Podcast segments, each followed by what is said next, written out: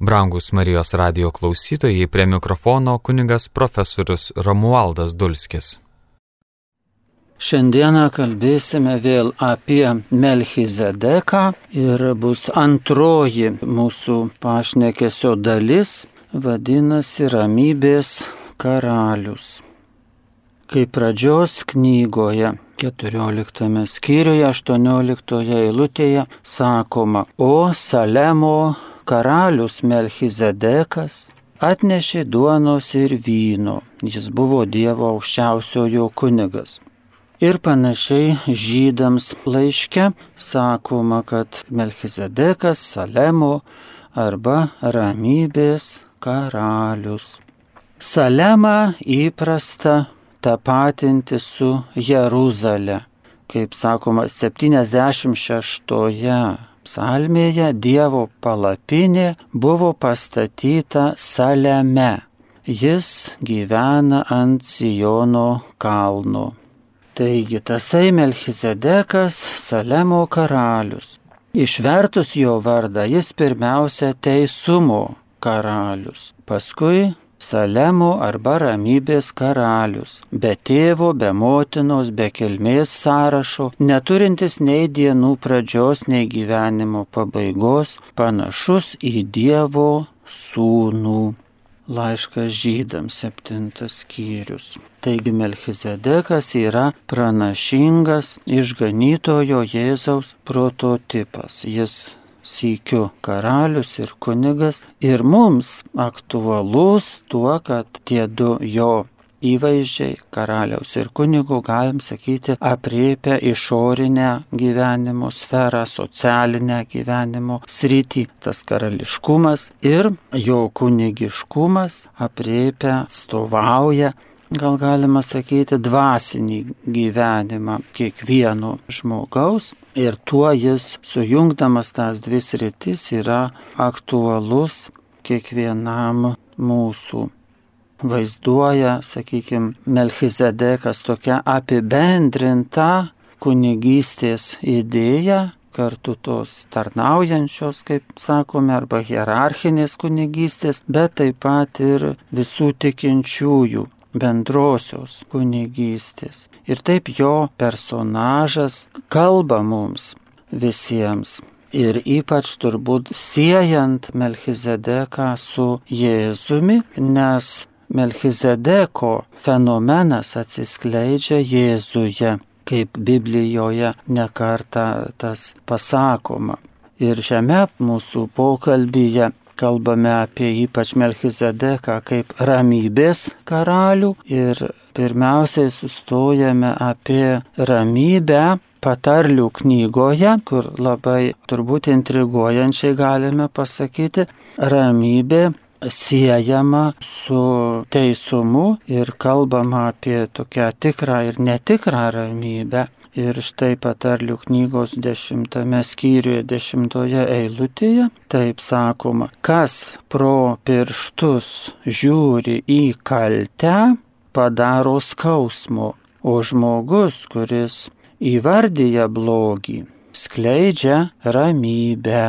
Tai ši citata iš patarlių knygos kalba apie tai, kad ramybė būtinai jie turi tokį aštrų žvilgsnį į gyvenimo tikrovę ir ji turi būtinai išvelgti blogį, moralinį blogį, pirmiausia, galbūt mes patys savyje mokomės išvelgti, bet neatskiriama ta išvalga ir socialinėje sferoje. Ir teisinga turbūt ir viena ir kita turėti savo akiratyje ir nenurašyti, kad mes turime tik tai savo sielą rūpintis, tik tai save žiūrėti, nes kartu esame ir individualios būtybės, ir socialinės būtybės tuo pačiu metu ir tai neatskiriama.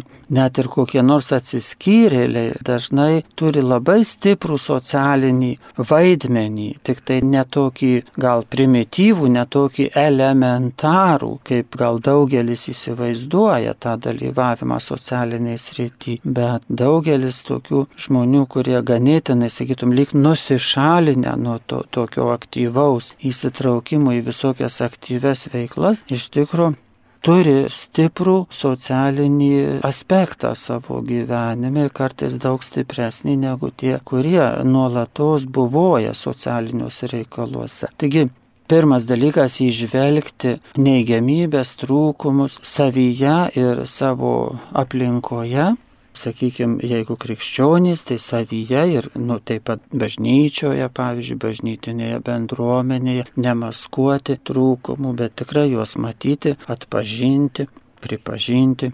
Nes pagal patarlių knygos mokymą tai ugdo ramybę tikrąją ramybę. Jeigu mes savyje atpažįstame savo kaltes ar nuodėmės trūkumus ir juos pašaliname, mes įgyjame ramybę ir taip pat visuomeninėje srityje, kuomet daugiau teisingumo, kuo daugiau visuomenėje teisingumo, kuo daugiau socialiniuose santykiuose atsižvelgimo į bendrą į gėrį, tuo daugiau tokios tikros ramybės, nes žmonės mato, kad viskas vyksta teisingai ir jie ramus tada. O jeigu kitaip yra, jeigu yra neteisybė, tai ramybė tokia tik paviršutiniai, o žmonės viduje pergyvena.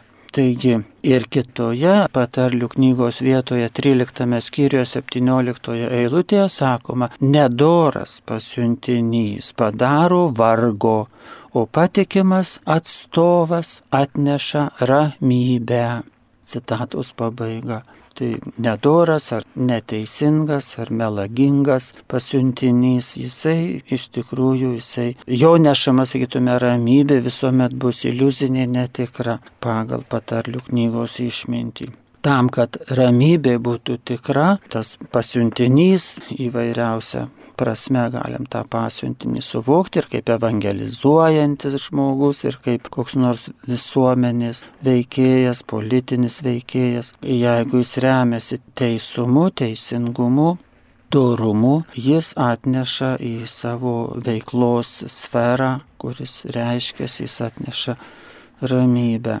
Pats Jėzus, galime irgi atkreipti, turbūt past, atkreipti dėmesį, pastebėti, kad įvardijo nuodėmę, sakydamas atsiverskite ir daugybę kitų atvejų, mokydamas įvardijo, kas yra blogai, kas yra, iš ko žmogus turėtų išeiti, ko nedaryti, ką daryti. Ir tai buvo, tas įvardinimas buvo jo meilė žmonėms ženklas ir jis nešė ramybę, ką mes ir iš Jėzaus žodžių suprantame, kad Jėzus atnešė ramybę, nes jis nešė ir šventumą savo asmeniu ir savo mokymu, nešė šventumą, bet nenutylėjo, kas yra negatyvu.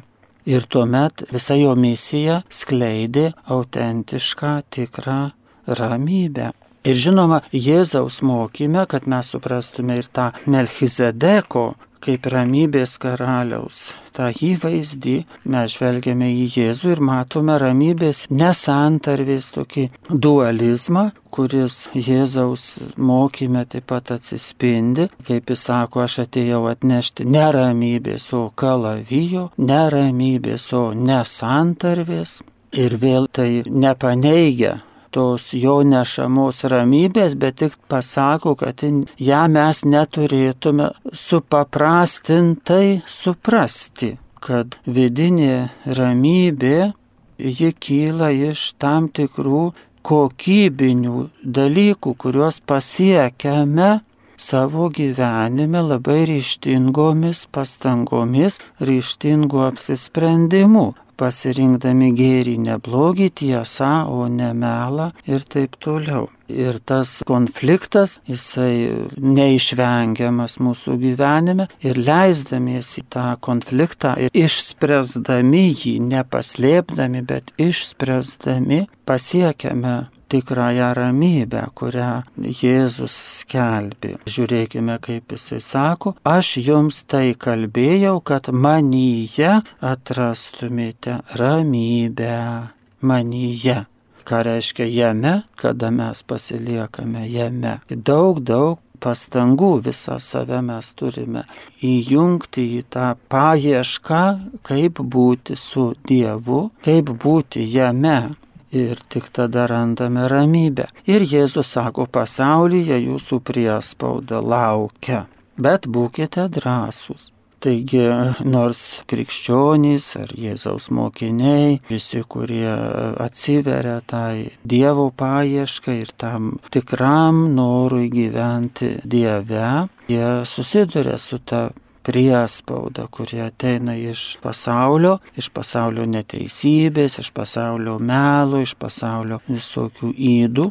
Tai va, bet iš Dievo kaip Zacharijo giesmėje, Luko Evangelijos pirmajame skyriuje sakoma, mus aplankė šviesa iš aukštybių, kad mūsų žingsnius pakreiptų į ramybės kelią, kad toji šviesa būtų mumyse, jis spindėtų, tai nėra lengva užduotis, bet didžiulė užduotis iš tikrųjų, jeigu norime kad visuomet ir visada būtume toje šviesoje, tai turime iš tikrųjų viską, viską nugalėti, visas įdas tapti, sakytume, absoliučiai šventais. Tik tada ta dieviškoji šviesa absoliučiai pripildo mūsų sielas. Ir nuostabu, kad mes galime eiti tą kryptimį negalvoti, kad o tai čia per didelis tikslas, bet galvoti, kad tas tikslas toks nuostabus, kad aš galiu visą gyvenimą link jo judėti, link jo eiti. Ir tai yra kelias į, pagal Evangeliją, pagal Luką, kelias į ramybę arba ramybės kelias.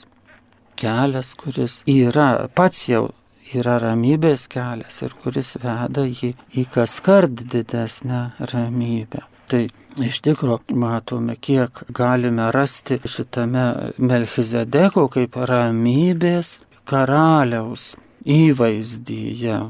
Ir mes esame taip pat pakviesti į tą ramybės karalystę, sukurti ją savyje ir kurti ją aplink save. Ir Šiandieną sustokime ties dviejomis istorinėmis asmenybėmis, kurios taip ypatingai galime sakyti irgi artimos tam Melchizedeko įvaizdžiui, nes jos buvo tam tikrą prasme labai karališkos ir kunigiškos asmenybės. Tai šventieji Tomas Moras ir Džonas arba Jonas Fischeris. Pirmasis buvo karaliaus Henriko VIII laikų Anglijos lordas kancleris, tai antrasis žmogus valstybėje po karaliaus, nepaprastai svarbes pareigas ėjęs ir turėjęs didžiulę įtaką, beveik tokią pat kaip ir pats karalius. O Džonas Fischeris buvo Ročesterio vyskupas, Kembridžo universiteto kancleris, gyvenimo pabaigoje pakeltas kardinolu ir taip pat, sakytume, nepaprastai iškili ir žemiška prasme iškeli asmenybė ir tikėjimo požiūriu, nes jie du abu yra šventieji, kankiniai ir nepaprastai angažavęsi tame nu, socialinėme gyvenime, galėtume pasakyti, jie abu buvo ramybės nešėjai, ramybės karaliai ir tokie, nu, kunigai, vienas tą bendrąją prasme Tomas Moras, nes jis buvo pasaulietis, kuris įgyvendino tikinčiųjų, sakytume, visuotinę tikinčiųjų kunigystę, nu labai prakilnių, jeigu netobulų, sakytume, būdų, tai bet tikrai galbūt galėtume, kadangi tas nu, tobulumas turbūt yra visuomet sąlyginis žmogaus tobulumas, bet savo situacijoje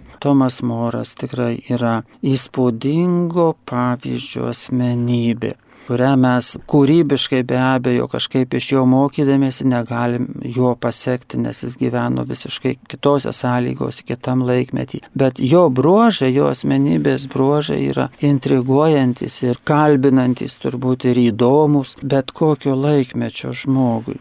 Taigi Tomas Moras buvo talentingas valstybininkas, politikas, rašytojas, humanistas ir aišku toks tikėjimo žmogus.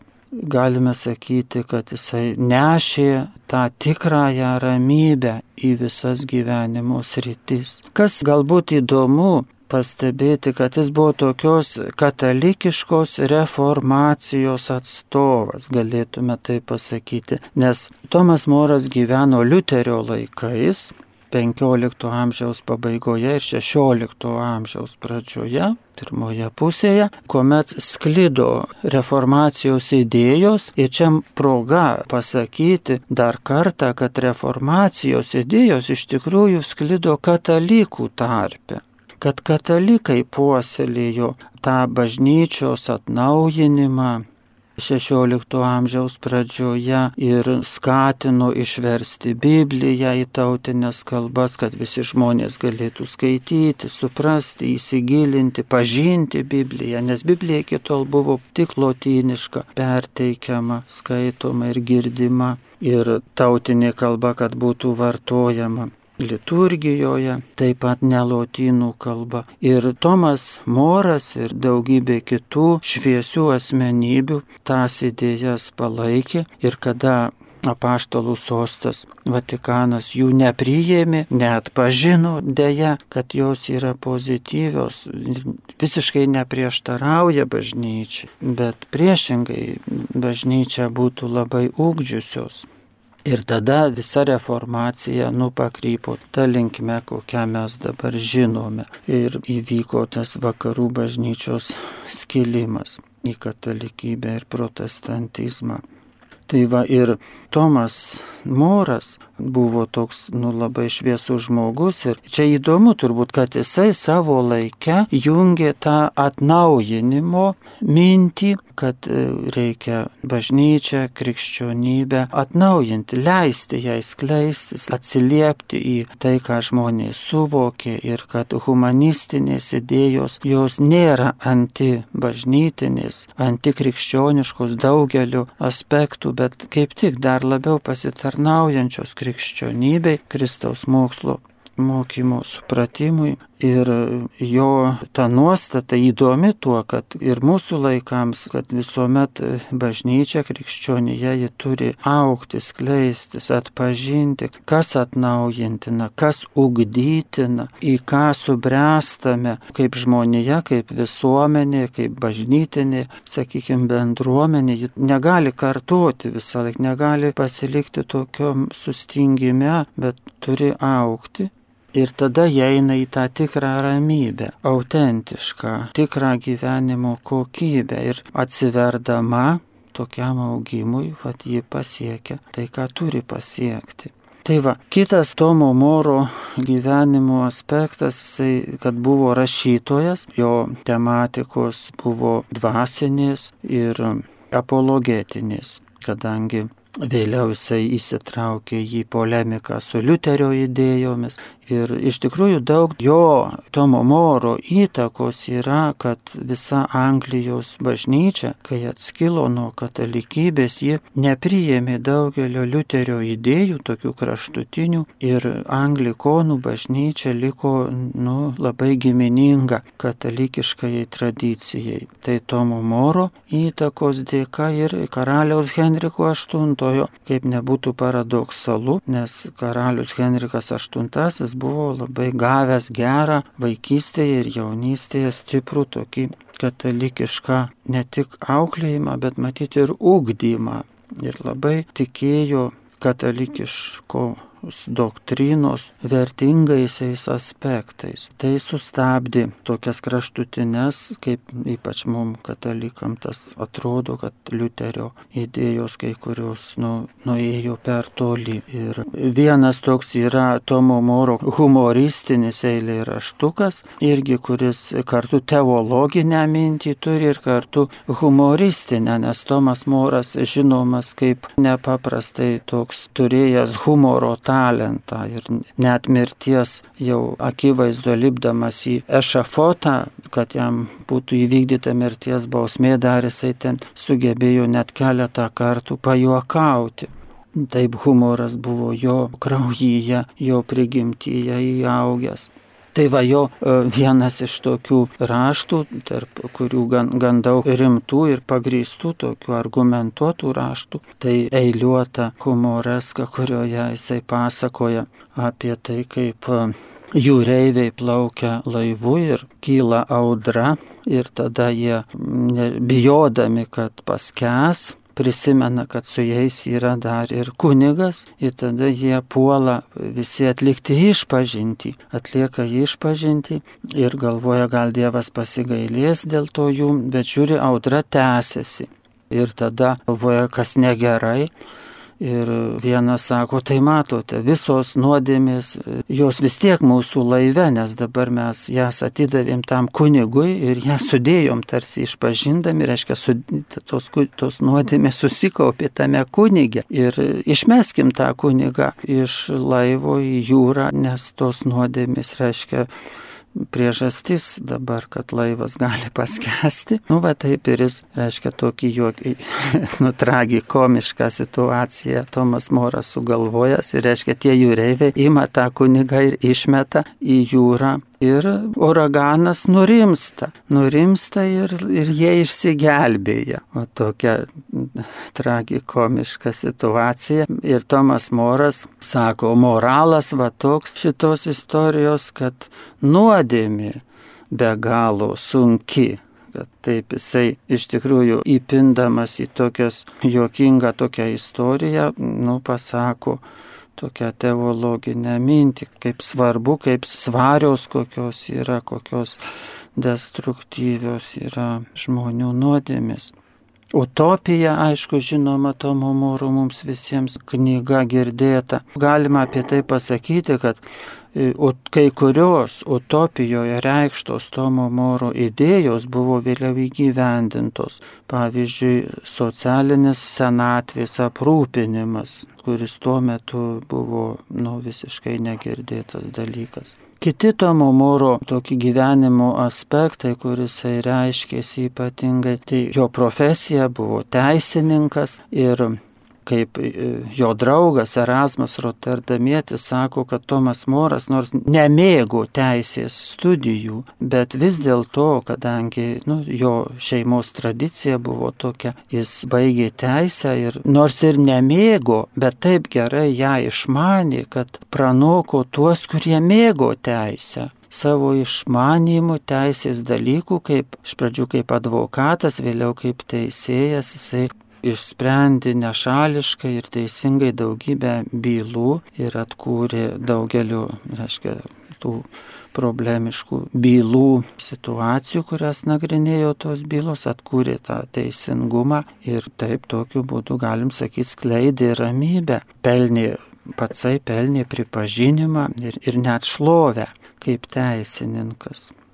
Ir Erasmas Rotterdamietis toliau apie jį kalbėdamas apibūdina ir mes žinome iš to daug apie Tomą Morą, koks jis buvo draugiškas, džiugus, tolerantiškas, nekonfliktiškas ir, ir labai dalykiškas. Ir toks turbūt įdomus derinys, kad Tomas Moras buvo linksmas, humoristas, kaip minėjome, bet kita vertus jis buvo labai dalykiškas ir tikras valstybininkas kuris rūpinosi ir gebėjo rūpintis visos valstybės reikalais. Ir um, Erasmas Rotterdamietis, kuris šiaip jau mėgo visus kritikuoti ir visuose žmonėse matydavo nu, neigiamybės ir įdas, tai Tomo Moro asmenyje nerado įdų, bet tas jo tokia frazė žinoma apie Tomą Morą, kad jo siela buvo tyresnė už balčiausią sniegą apie Tomą Morą,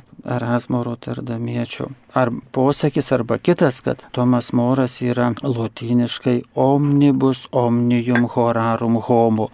Tai yra žmogus visoms gyvenimo valandoms reiškia gebantis ir linksmose, ir liūdnose situacijose, ir kada tu nuliūdęs į tave pralinksmint sugeba, ir kada tu turi problemų, jis tau pasirengęs yra padėti. Žmogus, kuris visose gyvenimo situacijose nenusigręš nuo tavęs, bet padės.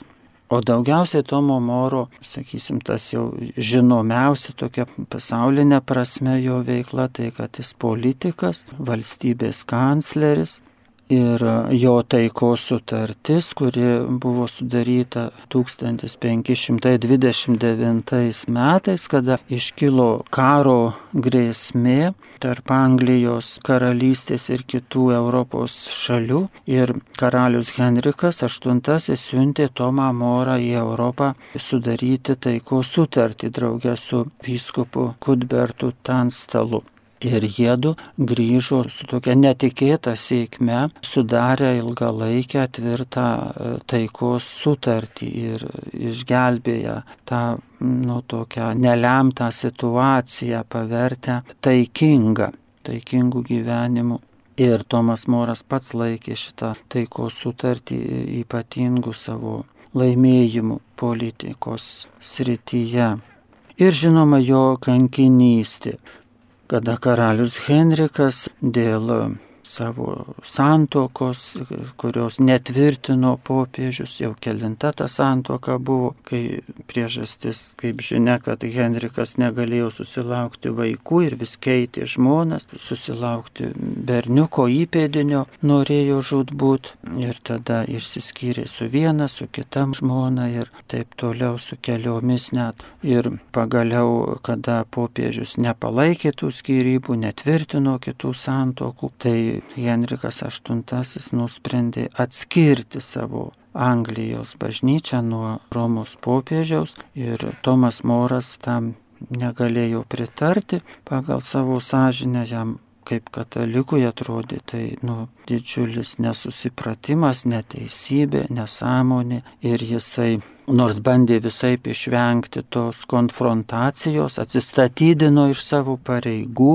bet vis tiek buvo pakviestas prisiekti ištikimybę karaliui, pripažinti jį bažnyčios galvą ir to negalėdamas pagal savo sąžinę padaryti buvo pasmerktas suėmimui, ilgai kalintas Taueryje ir neapsigalvojęs, pasilikęs su ta savo nuostata buvo nužudytas, įvykdyta jam mirties bausmė ir jo, e, jo galėtume sakyti toks draugas ar geras pažįstamas Džonas Fischeris, Ročesterio vyskupas, kuris taip pat ėjo to kankinystės keliu dėl tos pačios problemos Anglijos bažnyčios atskyrimo nuo katalikybės. Taip pat įdomi asmenybė, nes kardinolas Reginaldas Polas savo atsiminimų knygoje pasakoja apie Džoną Fisherį,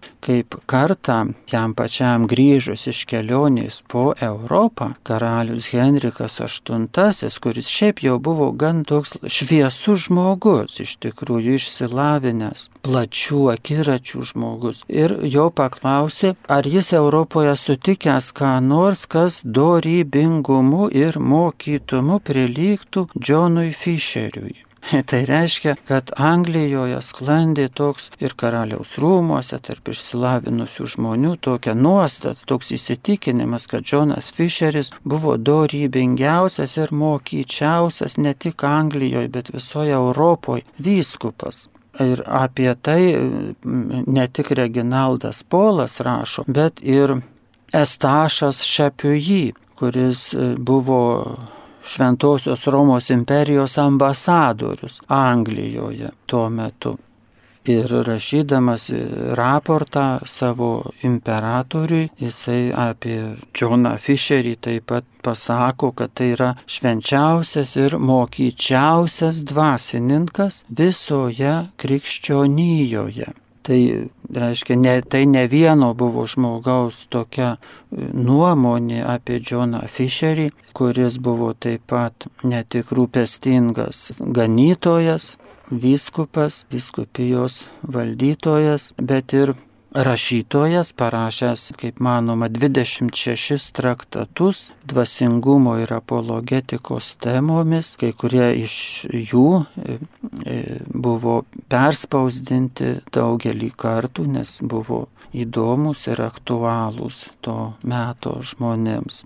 Džonas Fischeris savo konflikte su Henriku VIII kada karalius bandė atskirti Anglijos bažnyčią ir liepė visiems viskupams su tuo sutikti, Džonas Fischeris matė savo situaciją tokią panašią į Švento Jono Krikštytojo, savo dangiškojo globėjų kuris priekaištavo karaliui Erodui dėl jo neteisėtos santuokos. Taip kaip Džonui Fischeriui teko nesutikti su karaliaus Henriko santuoka.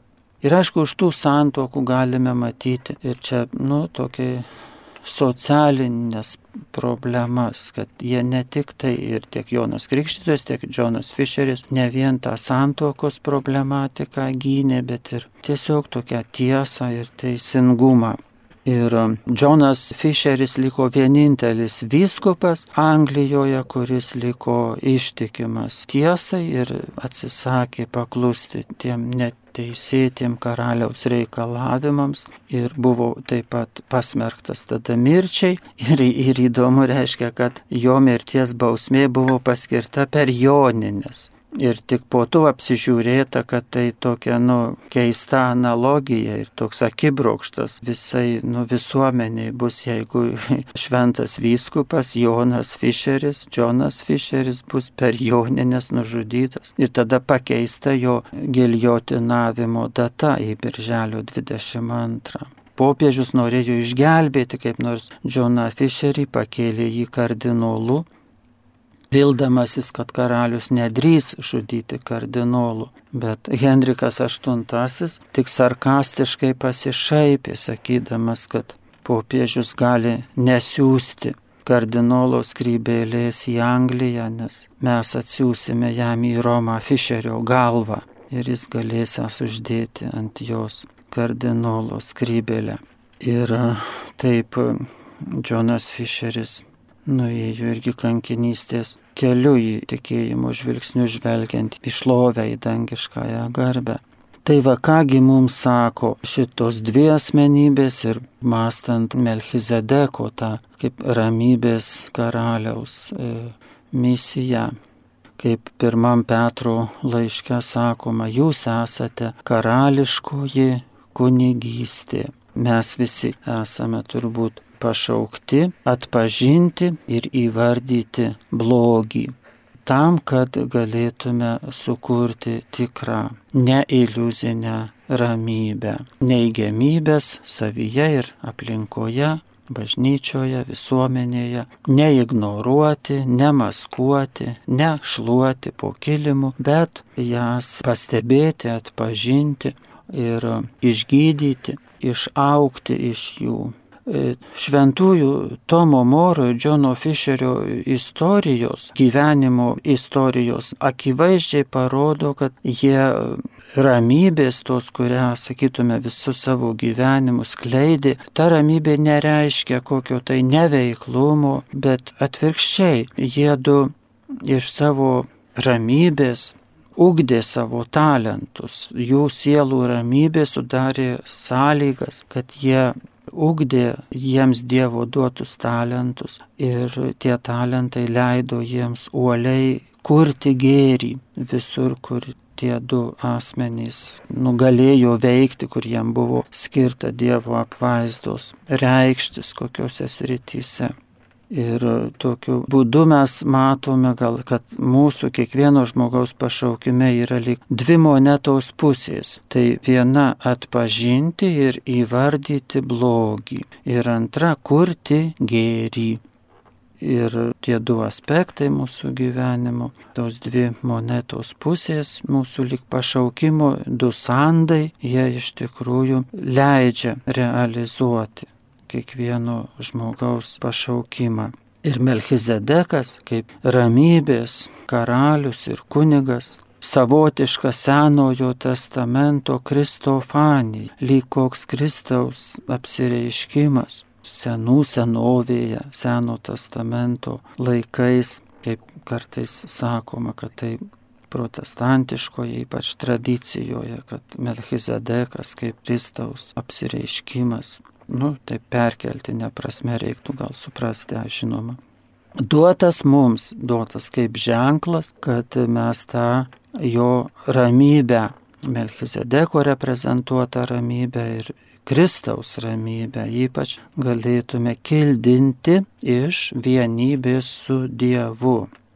Puoselėti vienybę su Dievu, tada iš jos kurti savo sielos ramybę ir toji ramybė sudaro mums prielaidas kontemplyviai ir aktyviai, aktyviai ir kontemplyviai įgyvendinti visus mūsų pašaukimo dėmenis, išskleisti savo pašaukimą pačiu tobuliausiu, kokiu įmanoma mums būdu. Šioje laidoje klausėmės kunigo profesoriaus Romualdo Dulskio mokymo Melchizedekas antroji dalis Ramybės karalius. Likite su Marijos radiju.